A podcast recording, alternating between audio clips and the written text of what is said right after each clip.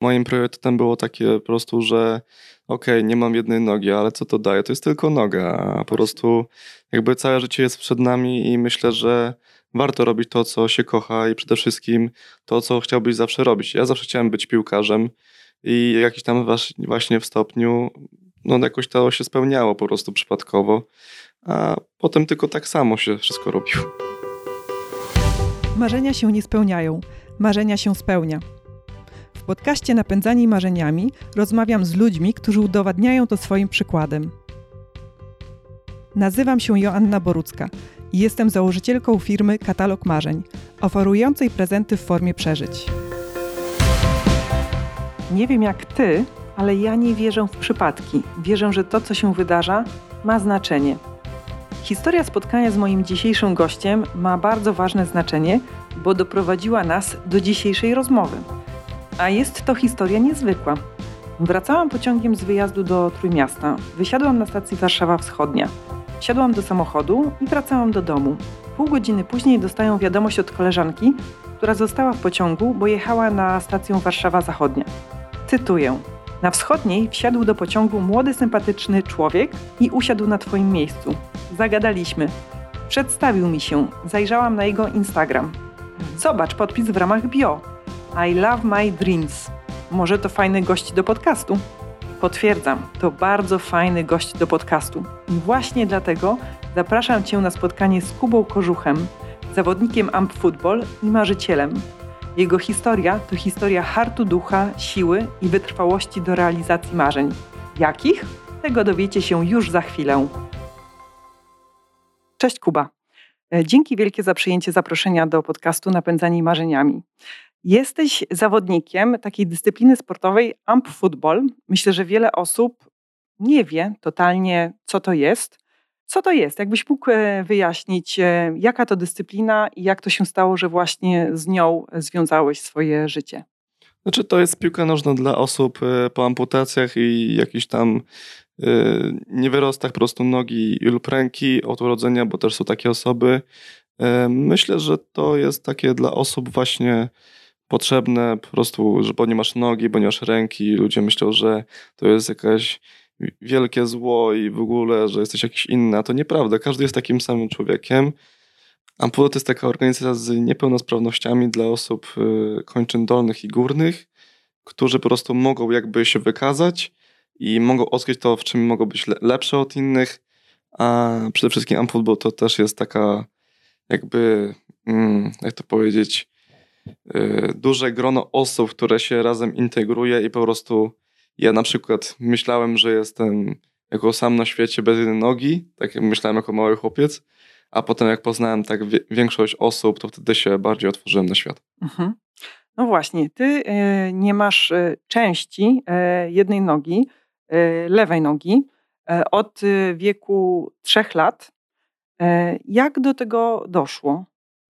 No, jak miałem 3 lata, to miałem przede wszystkim miałem wypadek pożarowy na ulicy Strzeleckiej no i co powiedzieć? No był po prostu pożar, bo stara instalacja po prostu wybuchła w domu.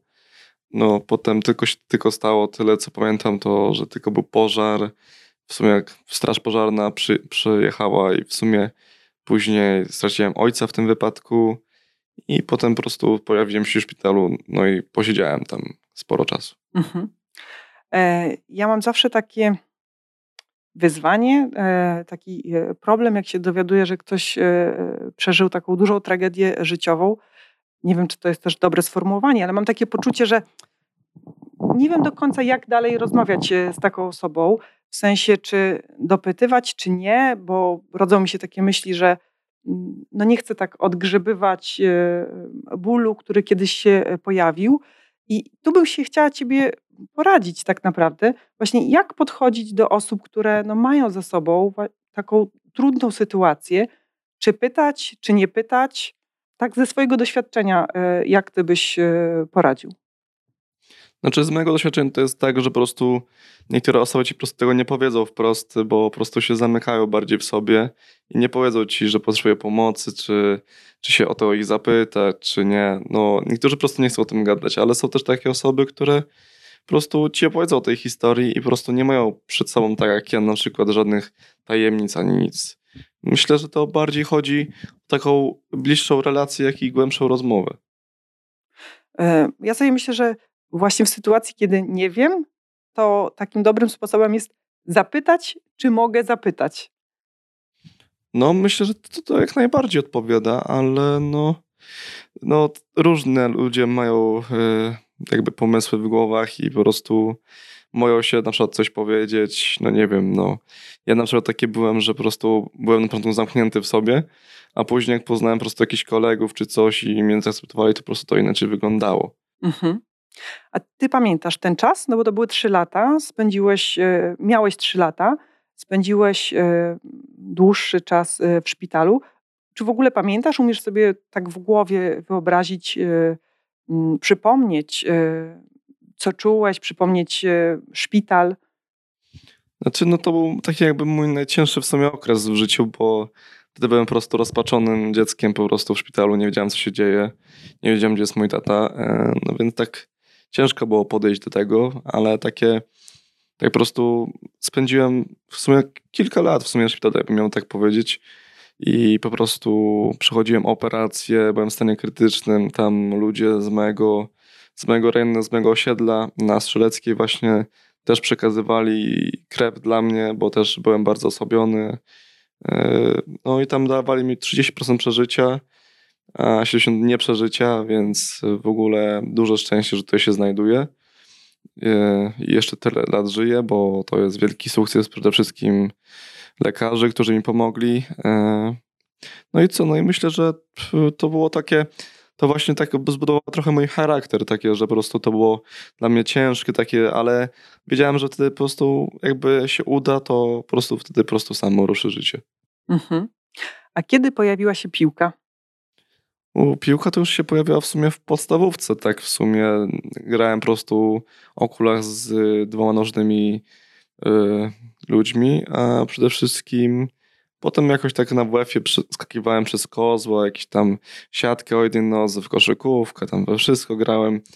A piłka nożna tak na poważnie potem się znalazła tak w 2014 roku, kiedy dostałem się do futbolu I to były takie moje takie pierwsze kroki z takimi ludźmi, gdzie naprawdę się odnalazłem, bo zawsze brałem udział w e, sprintach z ludźmi, zawsze brałem na wyścigi jakieś, jakieś turnieje piłkarskie, zawsze z ludźmi tam to podchodziłem. Jakoś nie było tam żadnych niedomówień i po prostu jakby to zbudowało moją szybkość potem na boisku i po prostu to, jaki byłem dobrym zawodnikiem na początku to nie, tak opowiadasz, no jakby to było coś takiego supernaturalnego. No ja w, e, pewnie w pierwszym odruchu bym sobie pomyślała, że dziecko z, poruszające się na kulach e, z uwagi właśnie na amputowaną część nogi, to jest zwolnione z WF-u, nie może w ogóle brać udziału w takich zajęciach, a, a ty tak naturalnie opowiadasz skoki przez kozła, e, gra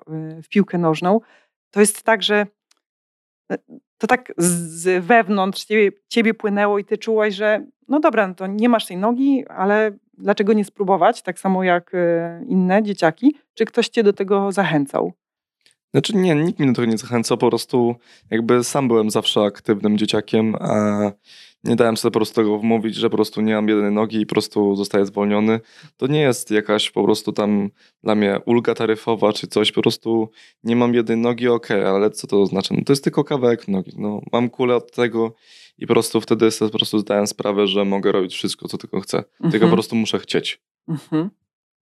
No to jest y, super, że tak rozumiem, sam z siebie do tego doszedłeś, y, bo myślę, że różnie ludzie sobie radzą właśnie z takimi sytuacjami. Niektórzy gdzieś tam się zamykają w tych czterech ścianach i pewnie potrzebują jakiegoś e, takiego wsparcia, żeby ich e, e, wyciągnąć. Z tego, co słyszę, to u ciebie było odwrotnie i, i fajnie, że dajesz taki przykład. Mm, wracając do tego amfutbolu, jak to, jak to było tak, tak konkretnie? W sensie dowiedziałeś się, że jest taka organizacja, nie wiem, poszedłeś na trening? Znaczy nie, to w sumie e, dzięki mojej cioci e, Kindze w sumie tam znalazła na internecie, akurat była na Facebooku i akurat spojrzała, że właśnie tworzył taką organizację jak właśnie Am Football dla ludzi bez kończyn górnych i dolnych. I wtedy tak po prostu zgłosiła mnie tam w sumie i to były takie moje początki tam. Pierwsza drużyna to była Lampor Warszawa w sumie, jak pamiętam. To miałem wtedy, nie wiem, 14 lat. To wtedy tak podchodziłem do tego tak dziwnie, no, tak, że to niby będzie takie na chwilowe i w ogóle, że po prostu tam podejdę i po prostu później mi się znudzi, ale jak się okazało już minęło 8 lat, kiedy jestem fan futbolu, więc y, to jest duży sukces. Y, no i przede wszystkim, no jakoś tak fajnie się złożyło, że z takimi osobami właśnie trenuję do teraz i w sumie nie żałuję tego wyboru. Mhm. A wiesz, ile w Polsce łącznie jest zawodników y, w różnych klubach, czy w całym, w całym stowarzyszeniu AMP futbolowym? Znaczy w sumie z całym towarzyszeniem futbolowym to nie do końca wiem, bo nie liczę wszystkich, ale myślę, że tak z, juniorów to jest tak mniej więcej tak z 50 dzieciaków, a u nas w kadrze to tak jest 30 takich głównych w sumie e, piłkarzy, więc w sumie mhm. to jest nawet sporo grono, ale myślę, że z czasem z, z roku na rok będzie coraz więcej. Ja też obstawiam, że będzie coraz więcej, bo przygotowując się do naszej rozmowy, sprawdziłam statystyki, e, ile rocznie jest w Polsce e, amputacji właśnie kończyn górnych i dolnych.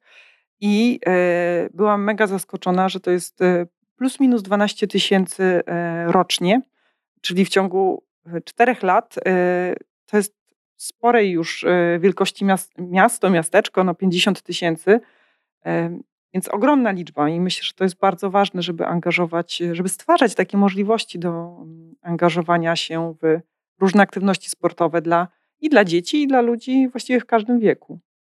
Znaczy, no myślę, że tyle osób to jest spora, gigantyczna osób. Y, ale przede wszystkim myślę, że tutaj też niektórzy po prostu jakby też ćwiczą sport, ale też jakby inny, czyli tam pływanie, jakieś tam pewnie skoki, jeżdżenie na konno, tylko po prostu ludzie tego nie widzą, że są takie osoby, a te osoby, które mają traumy, to moim zdaniem powinny jakby moim zdaniem wstać i nie dawać się po prostu jakby życiu po prostu i iść przed siebie przede wszystkim, to, co mówisz, bardzo jest y, y, mi bliskie w kontekście takich powodów, dla których y, uznałam, że ta nasza rozmowa jest ważna, bo faktycznie nie widać, mm, czy mało widać, mało widać w mediach, w mediach społecznościowych osoby z różnymi trudnościami, które mm, trudnościami, ja nawet mam problem z tym, jak to nazwać. Czy mam powiedzieć osoby właśnie z niepełnosprawnościami, czy, bo ja, ja, ja ciebie nie traktuję jako osoby niepełnosprawnej, nie? więc nie, nie wiem tak do końca, jak, jak, jak tutaj opisać takiego człowieka jak ty, z amputowaną nogą, tak y, konkretnie, czy jak, jak no, myślisz, jakie sformułowanie jest no, właściwe? Znaczy, no ludzie mówią, ludzie niepełnosprawni, tak, ale my mówimy, że jesteśmy pełnosprawni. No właśnie. Więc w sumie to nie ma jakiejś tam dużej rzeczy. W sumie to ciężko to powiedzieć, bo nie, Inni z prostu ze starego wieku mogą powiedzieć, że pełn, niepełnosprawni, no bo to jest zrozumiałe. A no, teraz większość ludzi mówi, że jesteśmy pełnosprawni, bo dajemy z siebie bardzo dużo i przede wszystkim nie poddajemy się tak.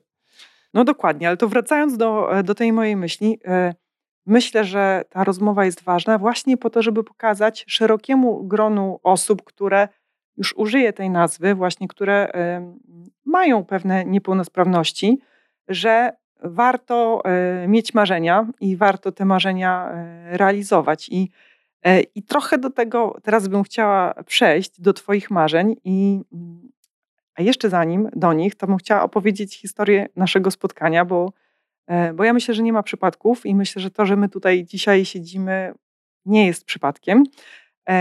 historia naszego spotkania jest taka, że mm, wracałam z Trójmiasta z koleżanką, wysiadłam na stacji Warszawa Wschodnia. Mm, koleżanka jechała dalej. E, no i e, na moje miejsce e, do pociągu wsiadłeś ty, usiadłeś na tym miejscu, o czym ja dowiedziałam się dopiero później, bo kilkanaście minut później napisała do mnie koleżanka, że słuchaj, taka sytuacja, wysiadłaś na twoim miejscu, usiadł sympatyczny młody człowiek, zagadaliśmy, przedstawił się, Weszłam na jego Instagrama, patrzę, a on w podpisie ma I love, I love my dreams. E, I, jest osobą, która e, gra aktywnie w Amp Football, jest członkiem reprezentacji e, Polski. Mm, to chyba fajny człowiek do rozmowy w podcaście Napędzani Marzeniami. No i nie mogłam zrobić nic innego niż tylko się po prostu zgodzić, więc y, myślę, że tak mniej więcej godzinę po tym, jak usiadłeś na tym moim miejscu, to chyba już byliśmy umówieni na, to, na tą naszą dzisiejszą rozmowę, bo ja do ciebie szybko napisałam, a ty szybko odpisałeś. No właśnie, więc przypadków nie ma. Ty piszesz na Instagramie, że kochasz swoje e, marzenia. Jakie to są marzenia? No przede wszystkim takie swoje dwa podstawowe marzenia, gdzie po prostu zawsze chciałem być kapitanem reprezentacji Polski. Przede wszystkim e, to takie moje z głównych marzeń, ale myślę, że to jeszcze długa droga do tego, bo na razie jeszcze jestem młody, niedoświadczony, na razie się jeszcze uczę na swoich błędach. E, I przede wszystkim no, kapitan to jest taka jakby rola no, całego zespołu, że, że wspiera, że pomaga, że wszystko zrozumie, że po prostu bierze wszystkim na duchu, że po, prostu jakby daje większe morale drużynie i po prostu wszystko rozumie i może z każdym pogadać przede wszystkim. A też drugie moje marzenie to jest takie, żeby wygrać Mistrzostwa Świata teraz, y, które są w Turcji. A czy do tego dojdzie, to nie wiem. Zobaczymy do naszej pracy, bo to wszystko od tego zależy od naszego przygotowania. Więc jeszcze do października jeszcze spora droga przede wszystkim, a w sumie to są takie moje dwa główne marzenia. W sumie to już nie mam więcej marzeń. Ale to takie... Na dziś, na dziś, na, dziś na pewno właśnie. tak na pewno się e, pojawią kolejne. To ciekawe to, co, e, o czym powiedziałeś mm, o kapitanie e, i o tym, z czym się wiąże ta rola. Mm, czy ty jakoś aktywnie się przygotowujesz do takiej roli? Mam na myśli, mm, bo powiedziałeś o takim wsparciu psychologicznym dla innych zawodników. To w sumie nie mam pojęcia, ale czy są jakieś kursy, książki, coaching, inne sposoby poprzez które można się przygotować do takiej roli? Znaczy ja akurat mam takiego kapitana w zespole, który się nazywa Przemek i po prostu jakby patrzę na niego, co on robi. Przede wszystkim uczę się od niego. Przede wszystkim obserwuję, co on robi, z kim on gada. On też z dzieciakami właśnie, z juniorami też y, właśnie pracuje i też to daje, daje tam jakąś większą motywację moim zdaniem. A Przemek zawsze umie z każdym gadać, lubi rozmawiać bardzo więc y, też bardzo często z nim gadam o różnych tematach. Też jest bardzo miły, bardzo dużo rzeczy zrozumie. Tak, naj, tak najbardziej to się w sumie na, na, niego patrzy, tak wzoruje się najbardziej na niego, bo on daje jak najwie, największy przykład moim zdaniem. Mm, a przede wszystkim no też nie poddaje się też jakby zwiększa te morale drużyny, jak mówiłem wcześniej. E, gdzie po prostu to jakby nas napędza, bo teraz jakby on jest i kapitanem w reprezentacji i Wiśle Kraków i teraz właśnie ja też dołączyłem do tej drużyny, bo zmieniłem drużynę z Warszawy na Wisłę i teraz po prostu jakby biorę jeszcze większy przykład z niego, a ostatnio też jechaliśmy razem z turnieju, wracaliśmy, więc też bardzo długą rozmowę przebyliśmy razem. Mhm. E, powiedziałeś o dzieciach. E, że macie też e, kontakt z dziećmi. Właśnie od jakiego wieku dzieci mogą trenować amp? Znaczy w sumie od każdego, tak, ale myślę, że taki normalny wiek to jest takie od 4 lat do, do zwyż. Tam różne dzieciaki są. Jest takich pięciu, których mają tam po 16-17 lat, więc to już jest taka już spora spora liczba już, y, dopiero to jest pięciu, ale myślę, że jak większość tych dzieciaków dorośnie, to myślę, że za 20 lat, kiedy już będę miał 40 lat, to już myślę, że spotkamy się na jednym boisku. Mhm. A jak tak z Twoich obserwacji e, i samego siebie, e, i dzieci, to co daje trenowanie takiej dyscypliny? Przede wszystkim otwarcie się na ludzi, przede wszystkim jakby zmienienie swojego jakby podejścia do życia, przede wszystkim też inne jakby inaczej ci się w głowie układa przede wszystkim, nie wiem, no jakby też te problemy na bok ci idą po prostu same. Nie myślisz o niczym, tylko bardziej o piłce, nie martwisz się o niczym. Po prostu jakby to wszystko zostaje z tyłu głowy, a przede wszystkim skupiasz się to, co jest teraz i na piłce. Mhm. Masz taką możliwość, y, czy takie doświadczenie może miałeś, że obserwowałeś y, jakąś konkretną e, osobę, konkretne e, dziecko, chłopca, który przez dłuższy czas e, żeby zauważyć taką różnicę, że mm, e, na start dziecko, które dopiero zaczęło grać w Football, jak się zmienia, nie wiem, po roku, dwóch, trzech, znaczy na początku tam tak raczkują, można powiedzieć, bo e, dzieciaki nigdy nie chodzi o kulach, przede wszystkim mają protezy, tak? Mhm. Chodzą o dwóch nogach e, przeważnie. A tak ogólnie to dzieciaki jak wzięli pierwszy raz e, kulę w ręce, też takie miałem kolorowe, takie niebieskie, jak byłem mały, to też wiem jak to, jak to jest, pierwsze kroki. Kiedyś tak mówiłem, po prostu powiedziałem, że nie wyjdę o kulach, bo po prostu powiedziałem, że nie umiem, bo mhm. mnie bolą ręce. Nie? A potem po prostu jakby no, mama powiedziała, że jeśli nie wyjdę o kulach, no to nigdy nie wyjdę z domu. No to powiedziałem, dobra, jak ja mam nigdy nie wychodzić z domu, to już chyba wolę wziąć te kule i iść przed siebie i się nauczyć. A u dzieciaków to po prostu wyglądało tak, że po prostu raczkowali, to, tam z trochę kulami pomagali, kikutem, to tam to, to jest normalne w sumie. Potem tak po roku, po dwóch już tam bardziej podnosi ten kikut do góry i bardziej mniej sobie pomagali właśnie kulami, bardziej nogą. Już teraz tam zaczynają więcej biegać, dzieciaki są coraz bardziej rozchmurzone. Tam niektóre dzieci są po, po, po urodzeniu od razu nie mają kończyń, niektórzy mają po wypadkach, niektórzy mają po, po raku. Też były takie przypadki, ale dzieciaki jak najbardziej uśmiechnięte są na naszej organizacji, więc myślę, że to jak najbardziej na plus. Mhm. Myślę, że to jest wielka siła e, sportu i od takiej strony po prostu fizycznej, że powoduje wyrzut tych e, endorfin, hormonów szczęścia, no a w konsekwencji no, to wpływa na, na taki nasz stosunek do życia i ogólne mm, zadowolenie z tego życia. Ale chciałam jeszcze Cię zapytać o te kule, bo to jest tak, że grając w mm, jest obowiązek korzystania e, z kul, w sensie, że nie można grać z protezą, czy, czy po prostu z protezą nie da się grać, bo nie wiem, nie można biegać. Znaczy, są procezy i do biegania, i do grania, i do różnych rzeczy, ale przede wszystkim no, bardziej tu chodzi o to, żeby sobie nie zrobić krzywdy, tak? Mm.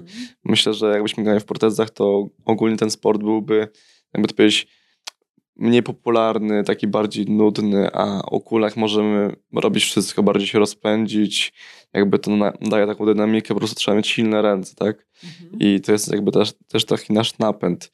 I po prostu też protezy nie są tanie, też y, to trzeba sobie przyznać. I po prostu też one są do codziennego użytku. Tak się sama teraz zreflektowałam, że jak cię wcześniej pytałam o dzieci, no to też to zapytałam o chłopców, bo jednak piłka nożna mi się bardziej kojarzy e, z chłopcami.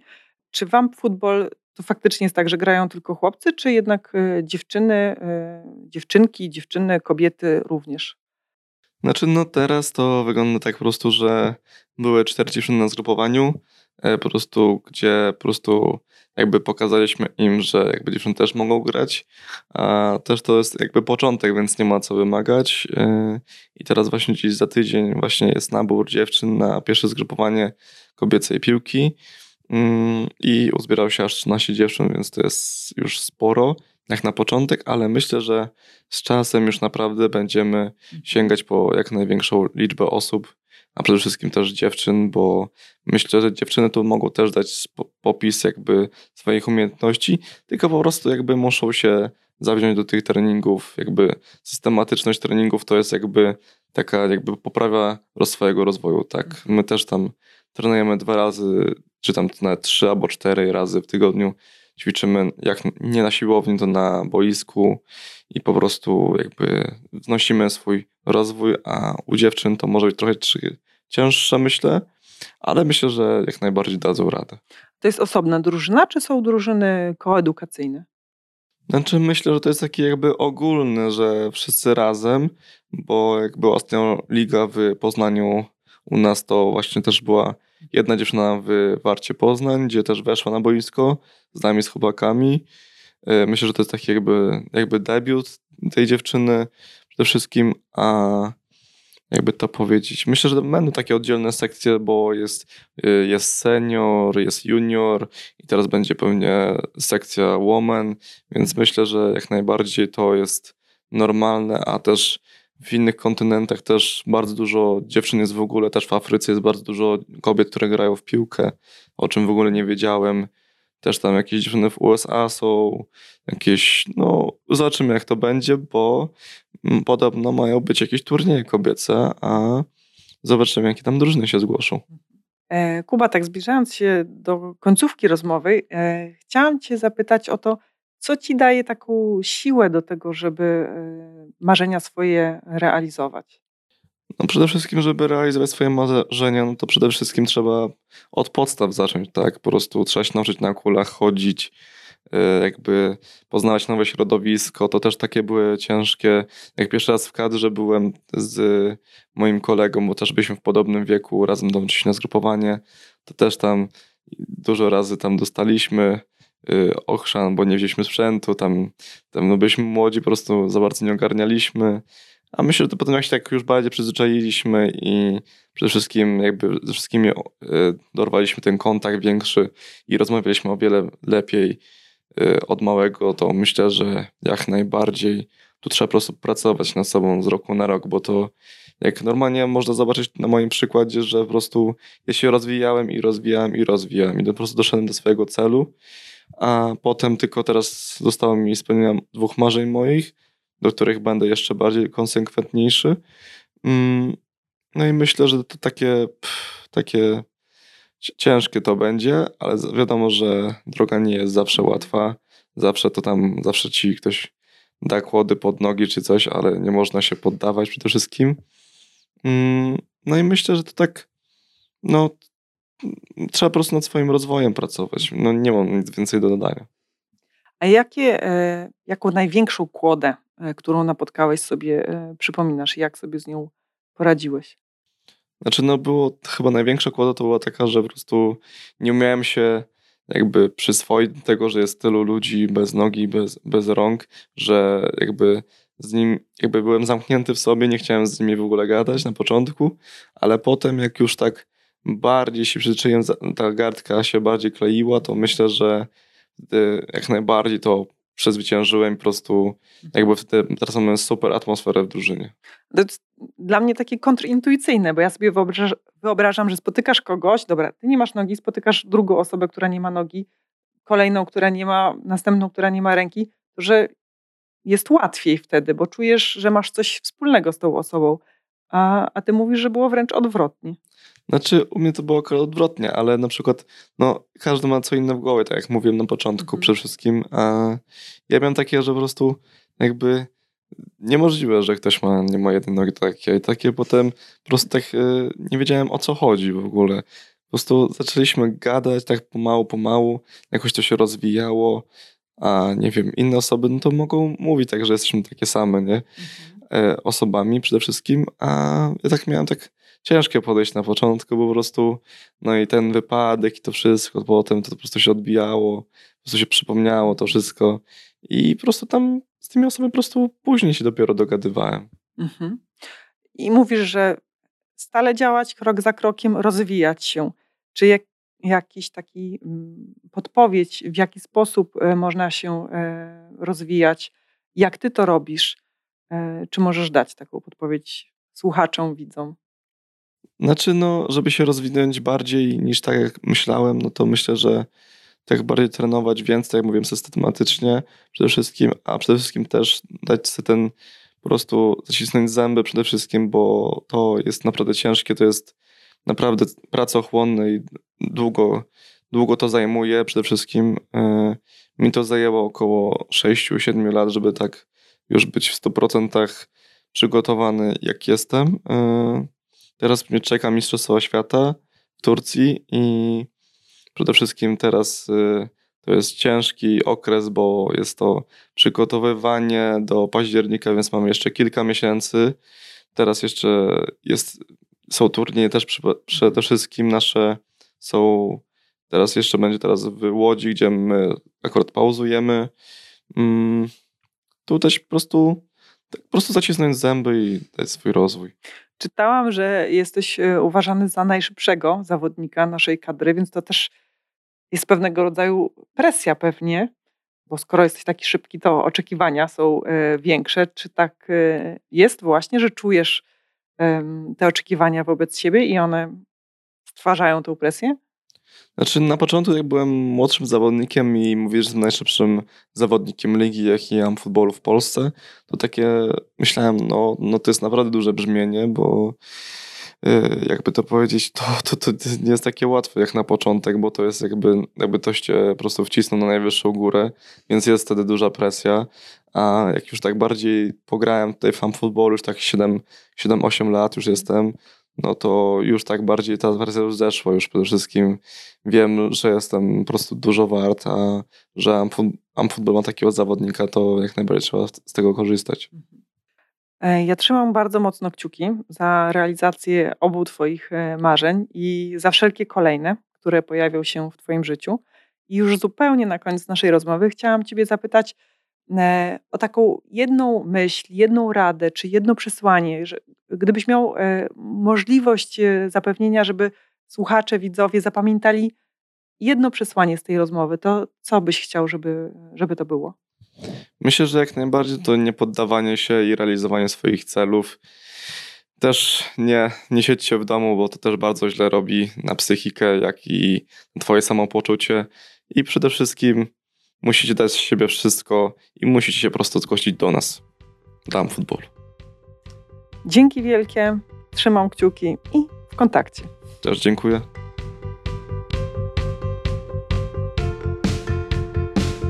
Bardzo podziwiam ludzi, którzy mają podgórkę i nie poddają się, którzy mają marzenia, otwarcie o nich mówią i działają w kierunku ich realizacji. Tacy ludzie są dla mnie ogromną inspiracją i mam nadzieję, że dla Ciebie także. Czy tak jest? Czy takie historie dodają Ci odwagi, wiary we własne siły? Chciałabym bardzo usłyszeć od Ciebie odpowiedzi na te pytania. Zapraszam Cię serdecznie do kontaktu ze mną bezpośrednio. Namiar znajdziesz na www.napędzenimarzeniami.pl a także do komentowania moich postów w mediach społecznościowych. Do zobaczenia i usłyszenia już wkrótce w kolejnym odcinku.